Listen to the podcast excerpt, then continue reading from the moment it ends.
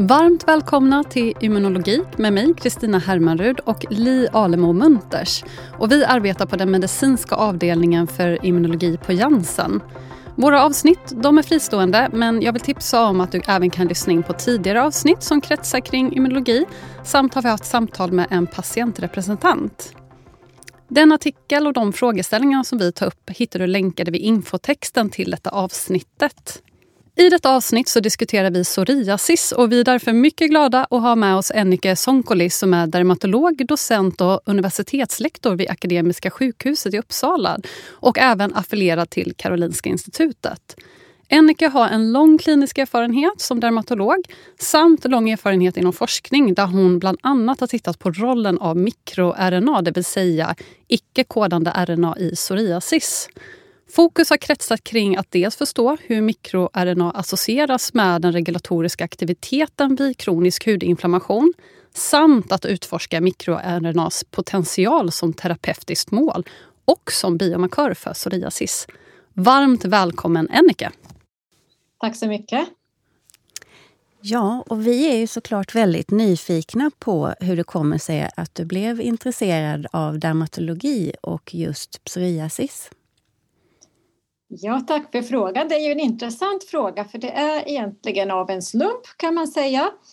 Eh, jag har alltid varit intresserad av medicinsk forskning så redan när jag var läkarstudent så ställde jag de där frågorna varför?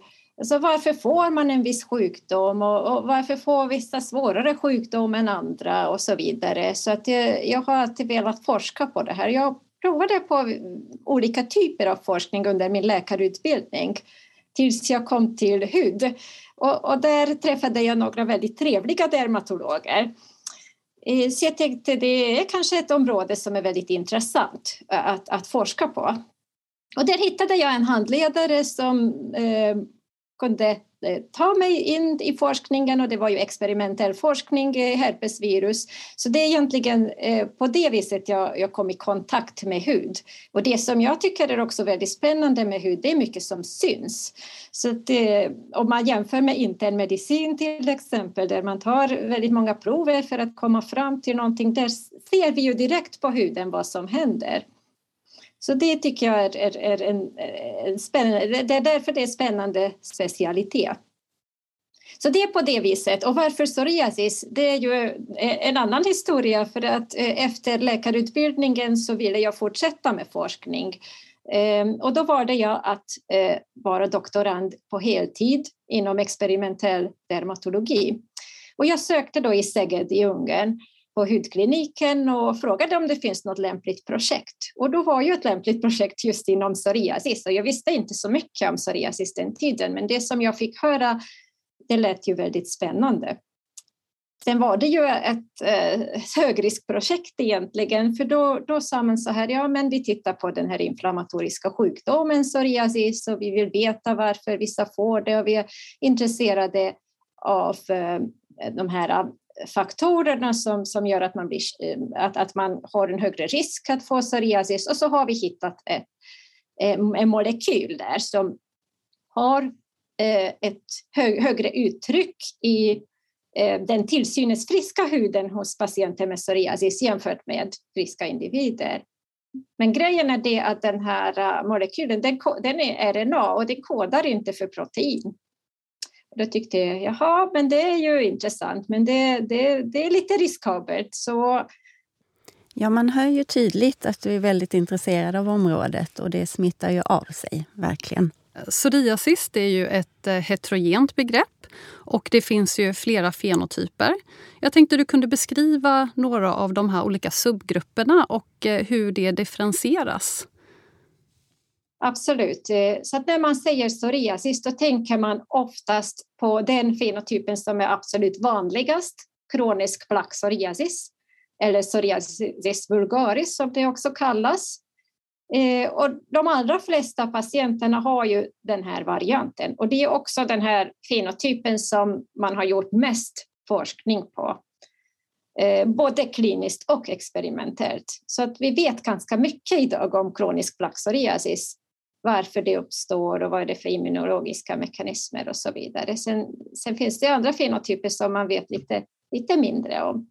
Så att vid kronisk plaxoriasis, psoriasis, då har man ju som, som namnet också säger, det är ju kroniskt. Man får ju så kallade plack som är rodnade, inflammerade eh, hudförändringar som eh, oftast sitter på armbågar, knän, i hårbotten eh, och det kan också sitta på händer och fötter. Så det är den, den typen som, som är den absolut vanligaste. Sen finns det ju lite eh, andra fenotyper också, som till exempel pustulära varianter som inte är lika vanliga. Eh, man, eh, pustulär, då menar jag att det finns då varblåsor som är synliga på huden och det kan man ju ha på hela kroppen, det är ju inte så vanligt, men det kan man ju ha och då blir det ju en svårare variant och så kan man ju ha det där på händer och fötter också. Och det är ju också någonting som, som, som eh, påverkar livskvaliteten ganska betydligt, för man använder ju sina händer och fötter hela tiden. Sen finns det också en variant som man kallar för gutat psoriasis och det är droppformad gutat. Eh, det kommer från, eh, från ordet dropp, droppe. Eh, så det, förändringarna är droppformade och så är de ju mer utbredda. Finns ofta över, över hela kroppen. Och den varianten är ju lite intressant för att inte bara för att man får det i, i ung ålder, utan, eller hur det ser ut, men också förloppet. För i, i motsatsen till kronisk plaxoriasis, som man oftast då har livet ut så kan den här varianten läka ut. Så att vissa, vissa patienter får en episod av kutat psoriasis och sen läker det ut och så får de aldrig tillbaka det igen. Medan andra patienter, för då kan man ju fråga sig varför är det egentligen samma sjukdom som plaxoriasis? psoriasis? Är det en annan sjukdom? Men det är inte en annan sjukdom för att eh, det kan gå över till plaxoriasis. psoriasis. Och det är faktiskt en, en väldigt intressant fråga. Vilka patienter Eh, Eh, är det som läker ut och vilka är det som, som har den varianten som övergår till plaxoriasis senare? Vi har inte svaret, men det är ju en väldigt intressant fråga varför det är så. Och sen så finns det ju patienter där det läker ut, men de kan ju få det tillbaka igen när de får en infektion, för den här varianten är, är ju ofta utlöst av en infektion, oftast streptokocker i halsen. Så det är de varianter. Så finns det lite så här som, som varianter som inte är lika vanliga. Man kan ju ha en rodnad över hela kroppen som man kallar för erytrodermi. Och, och, då blir det ofta sjukhusinläggning. Men tack och lov så är den varianten inte så, så vanligt. Men patienter med plaxoresis kan ju få faktiskt episoder där, eh, där hela kroppen blir ju drabbad. Mm. Precis, och Psoriasis den är inte begränsad bara till hud, även om huden är det mest synligt symptomgivande organet. Och just när man går in på systemiska effekter. Det finns ju en påtaglig samsjuklighet för psoriasis. Skulle du kunna beskriva några av de eh, inflammatoriska sjukdomarna som skulle kunna manifesteras? Ja, absolut. Och det har det ju verkligen varit ett paradigmskifte Eh, för tidigare så, så, tänkte man på psoriasis som bara en hudsjukdom där felet så att säga sitter i huden och ingen annanstans. Så det, det är huden eh, vi ska behandla och, och, och, inget annat som vi behöver tänka på. Och det har ju verkligen ändrats. Och nu har också för ett par år sedan WHO har visat att eh, psoriasis och framförallt då svår psoriasis är starkt kopplad till det metabola syndromet. Eh, och det betyder att om man har då psoriasis så har man högre risk eh, för just det här syndromet. Och vad är det metabola syndromet? Det, är ju, det består av fyra komponenter. Dels är det ju övervikt. Dels är det diabetes eller insulinresistens. Eh, dels är det ju en dyslipidemi, alltså en förändring i blodfetterna. Och sen är det hypertoni, alltså högt blodtryck. Så det är de fyra komponenterna. Och har man psoriasis och framförallt återigen svår psoriasis, då har man en högre risk för alla fyra komponenter. Och, och, varför har det betydelse för patienten? Ja, för att just det metabola syndromet är ju en riskfaktor och, och varje komponent av metabola syndromet är ju riskfaktor för kardiovaskulära sjukdomar, alltså hjärt-kärlsjukdomar. Eh, så det är väldigt viktigt att vi vet om det, att de här patienterna har en, en, en, högre risk. Och det är viktigt att också primärvården vet om det. Just för att de, de kan ju träffa de här patienterna och de har också eh, verktyg att, att eh, titta på de här olika komponenterna av det metabola syndromet. Så det, det, är ju också någon, det är någonting som är, som är starkt kopplat till psoriasis. Sen finns det andra samsjukligheter också som är viktiga att veta om. Om man tänker inflammatoriska sjukdomar Eh, Eh, då är ju inflammatorisk tarmsjukdom också kopplat till psoriasis. Eh, visserligen inte lika vanligt som det metabola syndromet, men det finns en högre risk eh, både för ulcerös kolit och för Crohns sjukdom som är två olika typer av inflammatorisk tarmsjukdom. Så det är också något som är bra att veta om. Även eh, vissa typer av ögoninflammationer, framförallt uveit, är vanligare hos psoriasispatienterna. Sen är det ju någonting som man har pratat väldigt mycket om senaste tiden. Det är eh, den psykiatriska samsjukligheten. Att, att eh, både depression och ångest är vanligare hos psoriasispatienter om man jämför med övriga befolkningen. Och det här är ju någonting som, som vi inte har haft så mycket fokus på tidigare. Eh, men nu vet vi om det så att nu kan vi också eh, tänka på det när vi träffar patienter med psoriasis. Då har vi fått lära oss mycket om sjukdomen psoriasis. Eh, hur ställer man då diagnosen? Eh, finns det biomarkörer? Finns det några viktiga undersökningar man behöver göra? Hur bör man följa sjukdomen över tid? Och finns det prognostiska faktorer som är viktiga att följa över tid?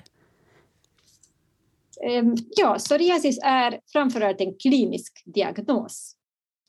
Ehm, och det betyder att vi tittar på huden, vi undersöker huden och det är så vi ställer diagnosen. Och det kan ju låta som en, som en gammaldags metod, men just för att eh, sjukdomen finns på huden och synligt så kan vi faktiskt ställa diagnosen eh, oftast väldigt bra med, med den enkla metoden.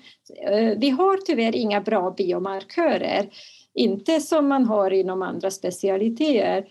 Ehm, det finns inte en enda biomarkör i, blodet till exempel som skulle säga att den här patienten har psoriasis eller inte. Vi har inte det. Så att eh, diagnosen ställs genom att titta på huden och det är till och med så att ta en hudbiopsi hjälper inte så mycket i de allra flesta fallen. För om diagnosen är ju solklar kliniskt, då behöver vi inte den hudbiopsin. Eh, medan om diagnosen är ju lite mittemellan, kanske psoriasis eksem, då får man kanske inte så bra svar från histopatologin heller. Så att, eh, hudbiopsin har sin plats men, men, men inte riktigt i vardagen för de flesta psoriasispatienterna. Så det är ju framförallt då en, en klinisk diagnos fortfarande. Vi tittar på huden och det är viktigt att man tittar igenom hela huden, eh, även hårbotten och Eh, även i hudveck eh, även genitalt. Eh, vi tittar genom hela huden och det är så vi följer patienterna. Det finns lite olika mått hur man mäter sjukdomens svårighet och det som används mest det är något som man kallar för PASI.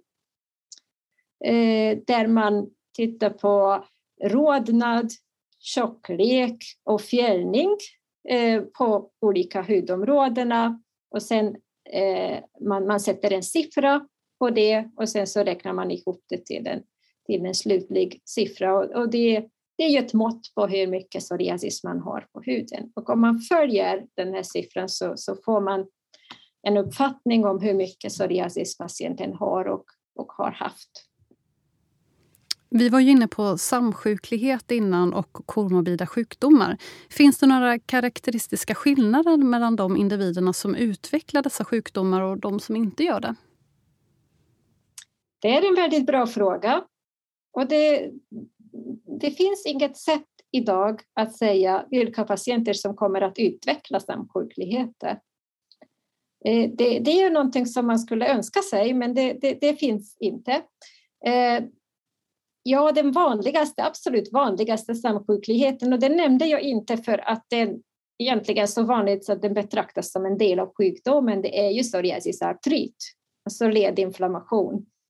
Ehm, och, och den, den, är ju egentligen ingen samsjuklighet utan det är en del av sjukdomen. Man har börjat säga också eh, psoriatic disease, alltså psoriasissjukdomen som, det är, som, som finns i huden och som, som då, då, då, då finns i, i lederna.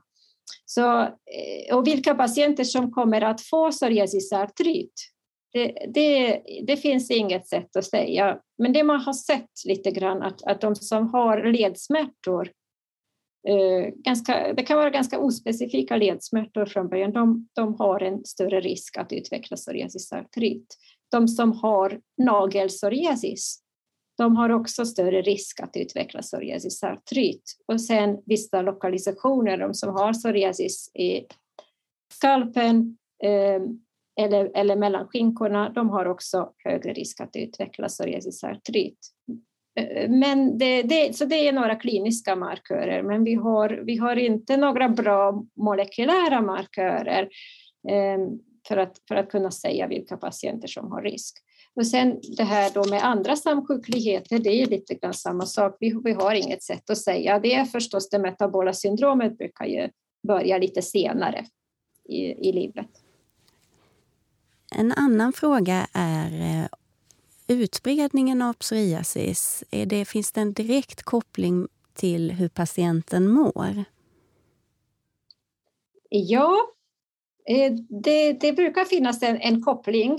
Eh, man kan ju tänka sig också att om man har psoriasis som drabbar stora hudytor, då syns det ju mer och, och, och det är någonting som då påverkar Eh, hela patienten. Och, och, och det, men det är inte bara hur stora hudytor som drabbas, det är inte bara det som är viktigt. Det är viktigt förstås och det har man på begränsade eh, hudytor då, då, då, påverkas man inte lika mycket som när man har på stora hudytor. Men det är inte bara det som räknas utan var de här förändringarna sitter. För om man har då psoriasis i ansiktet eller på händerna, då blir det en helt annan sak än att ha bara kanske några eh, små fläckar på armbågar som ingen ser. Så då blir det ju mycket mer synligt och då kan det påverka livskvaliteten mycket mer. Så visst, PASI är viktigt, men det, det säger inte allt. Nej, och där kan det också vara att eh, läkaren upplever att patienten är i remission medan patienten inte upplever att de är där. Och just den dialogen emellan. Och har du några tips du kan ge för att eh, man ska hitta ett bra samtal med sin patient om det? Ja, just, just det du säger, att, att man ska ha ett bra samtal med patienten, det är det viktigaste verktyget. Det är egentligen där vi finns till läkare. Och det är där vi inte kommer att kunna ersättas av till exempel AI som man pratar mycket om. Så att samtalet är ju väldigt viktigt och, och, och, det är där vi kan komma fram till vad är det som är viktigt just för den patienten som vi har då framför oss. För det kan vara olika saker för olika patienter. Så vissa besväras väldigt mycket av klåda till exempel och då är det ju jätteviktigt att vi tar hand om just den biten. Ehm, och, och, och, och, för andra är ju inte alls eh, ett, ett problem, blåda, utan det är mer, ja, det är några fläckar i ansiktet som syns och det är det som är problemet. Då får man ju ta hand om den biten eller fokusera mer på den. Så det här kan ju vara väldigt olika saker för olika patienter. Så det är väldigt viktigt att vi, att vi pratar med patienterna om det och, och vad, är, vad är målet med behandlingen? Det förstås, målet är ju att, att bli helt fri från psoriasis. Det är många som säger det. Det är det som är det ultimata målet. Men vad är det viktigaste just för den patienten? Det är jätteviktigt att veta. Det låter ju väldigt fint att man som dermatolog eh, lyssnar på patienten för att komma fram till om eh, behandlingen har lyckats eller inte. Och att man på så sätt individanpassar behandlingen. Eh, om vi går vidare till om du har lite tips och råd för eh, dina kollegor, eh, gastroenterologerna och för reumatologerna. Och eh, vad tycker du att de ska tänka på om de misstänker att en patient har psoriasis eller redan är diagnostiserade med psoriasis? Ja, alltså de, det är bra om de kan titta på huden Ehm, det blir ju förstås inte en hel hudläkarundersökning och det är ju inget som man förväntar sig heller. Men det, det är bra om de vet liksom var psoriasis brukar sitta till exempel så kan de ju titta lite på de ställena. Hårbotten kan ju vara någonting som man, som man missar för det är någonting som, som ja, man kanske inte tittar så mycket. Ehm, så det, det är ett tips, att titta också i hårbotten. Ehm, titta på naglarna. Sen kan det vara också bra att fråga om eh, just i hudveck och genital psoriasis är ju någonting som, som inte ens alla hudläkare frågar om men där kan det ju också sitta och, och, och det kan ju bli fel diagnos där. Så det, det är ett tips att, att, att åtminstone fråga patienten om det. Och det kan ju leda till då diagnos. Så titta på naglar och, och fråga efter då eh, till exempel om, om vi nu tänker på en gastroenterolog, fråga också efter ledbesvär och fråga efter hereditet, för ofta finns det i släkten, inte alltid, men ofta finns det i släkten. Och när tycker du att eh, gastroenterologerna och reumatologerna ska remittera till en dermatolog och vad vill du ska finnas i remissen till dig? Alltså, egentligen i en optimal värld så eh, skulle det vara så att de får remittera alla där man misstänker psoriasis. För att få diagnosen, om, om inte patienten redan har den diagnosen. Jag tycker egentligen det är viktigt att, att, att hudläkare kan se patienten och ställa diagnosen. Um, och sen efter det, när patienten redan har fått diagnosen, när ska man remittera? Um, man kan ju börja lite med lokalbehandling och man kan nå ganska långt med lokalbehandling som är då ofta då mjukgörande, avfjälande och kortison. Men när man inte kommer vidare, när blockadbehandlingen inte fungerar, då ska man ju också remittera. Och, och när, förstås när man är lite osäker på diagnosen, för det är ju, finns det någonting i hårbotten eller, eller på eh, armbågarna, det är inte säkert att det är psoriasis. Så att är man lite osäker på diagnosen, då är det ju också bra att, att remittera. Och då är det ju vad, vad det som ska finnas med i remissen. Det är ju bra om man kan beskriva hudförändringarna. Det är någonting som vi lär ut till läkarstudenterna också. Det är viktigt att, att ge en väldigt bra beskrivning. Sen i framtiden kanske vi får bilder med också. Redan nu så får vi ibland bilder med också och det är ju ännu bättre. Men, men finns det inte möjlighet till det, beskriv gärna var förändringarna sitter, hur de ser ut. För det, det är till stor eh, hjälp.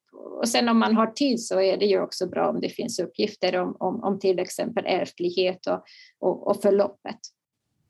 I början av vårt samtal så beskrev du början av din forskningsresa och varför du blev intresserad av dermatologi och psoriasis. Så nu undrar vi, vad är du nyfiken på mest nu och vad är din forskningsprioritering här framöver? Ja, alltså det finns ju de som säger att det är färdigforskat inom psoriasisområdet. Att, att vi har redan allting ehm, för att vi har så bra behandlingar idag. Och det kan man verkligen säga att det har skett en enorm utveckling, att patienterna har tillgång till mycket, mycket bättre behandlingar än för 20 eller till och med för 10 år sedan. Eh, det finns ju målinriktade behandlingar, biologiska behandlingar som är väldigt, väldigt effektiva för de flesta patienterna med svår psoriasis. Så, så är det ju. Men det finns ju fortfarande väldigt många öppna frågor. För alla svarar ju inte på, på eh, en biologisk eller målinriktad behandling. Och även de som svarar, det finns ju de som förlorar effekt och vi vet inte riktigt varför. Eh, sen eh, just det vi har pratat om, det här med biomarkörer. Vi har inga bra markörer för att kunna säga vilken patient som kommer att ha en svår sjukdom, vilken patient som kommer att utveckla samsjuklighet, psoriasisartrit eller det metabola syndromet eller IBD. Eh, vi har inget sätt att säga det. Så det finns ju eh, fortfarande mycket frågor. Och sen ska vi inte glömma patienterna som har kanske en Eh, medelsvår psoriasis som inte får biologisk behandling. Ehm, för de patienterna säger ibland eh, till mig, ja, vi vet att det har skett en enorm utveckling, men vad innebär det för oss? Och, och då har jag svårt att svara på det. Så att jag tycker absolut att det finns väldigt mycket kvar att forska på. Det jag tycker är intressant det är ju lokalbehandlingar. Vi har inte haft en enda ny lokalbehandling sedan väldigt länge. Vi använder fortfarande lokal kortison och vitamin D. Ehm, nu kommer det kanske lite nya. Det får vi hoppas på. Och det, och det är någonting där jag tycker eh, det finns väldigt mycket att forska på. Jag själv forskar ju på RNA eh, mikroRNA men även andra icke-kodande RNA som reglerar cellernas svar på olika cytokiner. För det är inte bara det som är viktigt, hur mycket cytokin eller inflammatorisk mediator vi har i systemet, utan också hur cellerna svarar på det. Och det är det vi tittar på. Och, och det tror jag att man skulle kanske kunna angripa systemet också för att hämma cellernas svar på de här cytokinerna och kanske med en väldigt effektiv topikalbehandling som, som skulle ha en långvarig effekt. Så det tycker jag är ett väldigt intressant forskningsområde. Vi ser fram emot att följa din forskning, Ennike. Du ska ha ett riktigt stort tack för ett mycket givande samtal och för att du delar med dig av dina erfarenheter. Tack så mycket. Om du som lyssnar önskar att återkoppla till oss, då hör du av dig till vår e-mail som finns länkad vid infotexten. Och du får gärna prenumerera så får du notiser när nya avsnitt släpps. I nästa avsnitt då har vi med oss gastroenterolog Olof Grip och då ska vi prata om hur diagnos fastställs för inflammatorisk tarmsjukdom, betydelsen av samsjuklighet samt påverkar livskvalitet. Tack så mycket för att ni lyssnade in och på återhörande.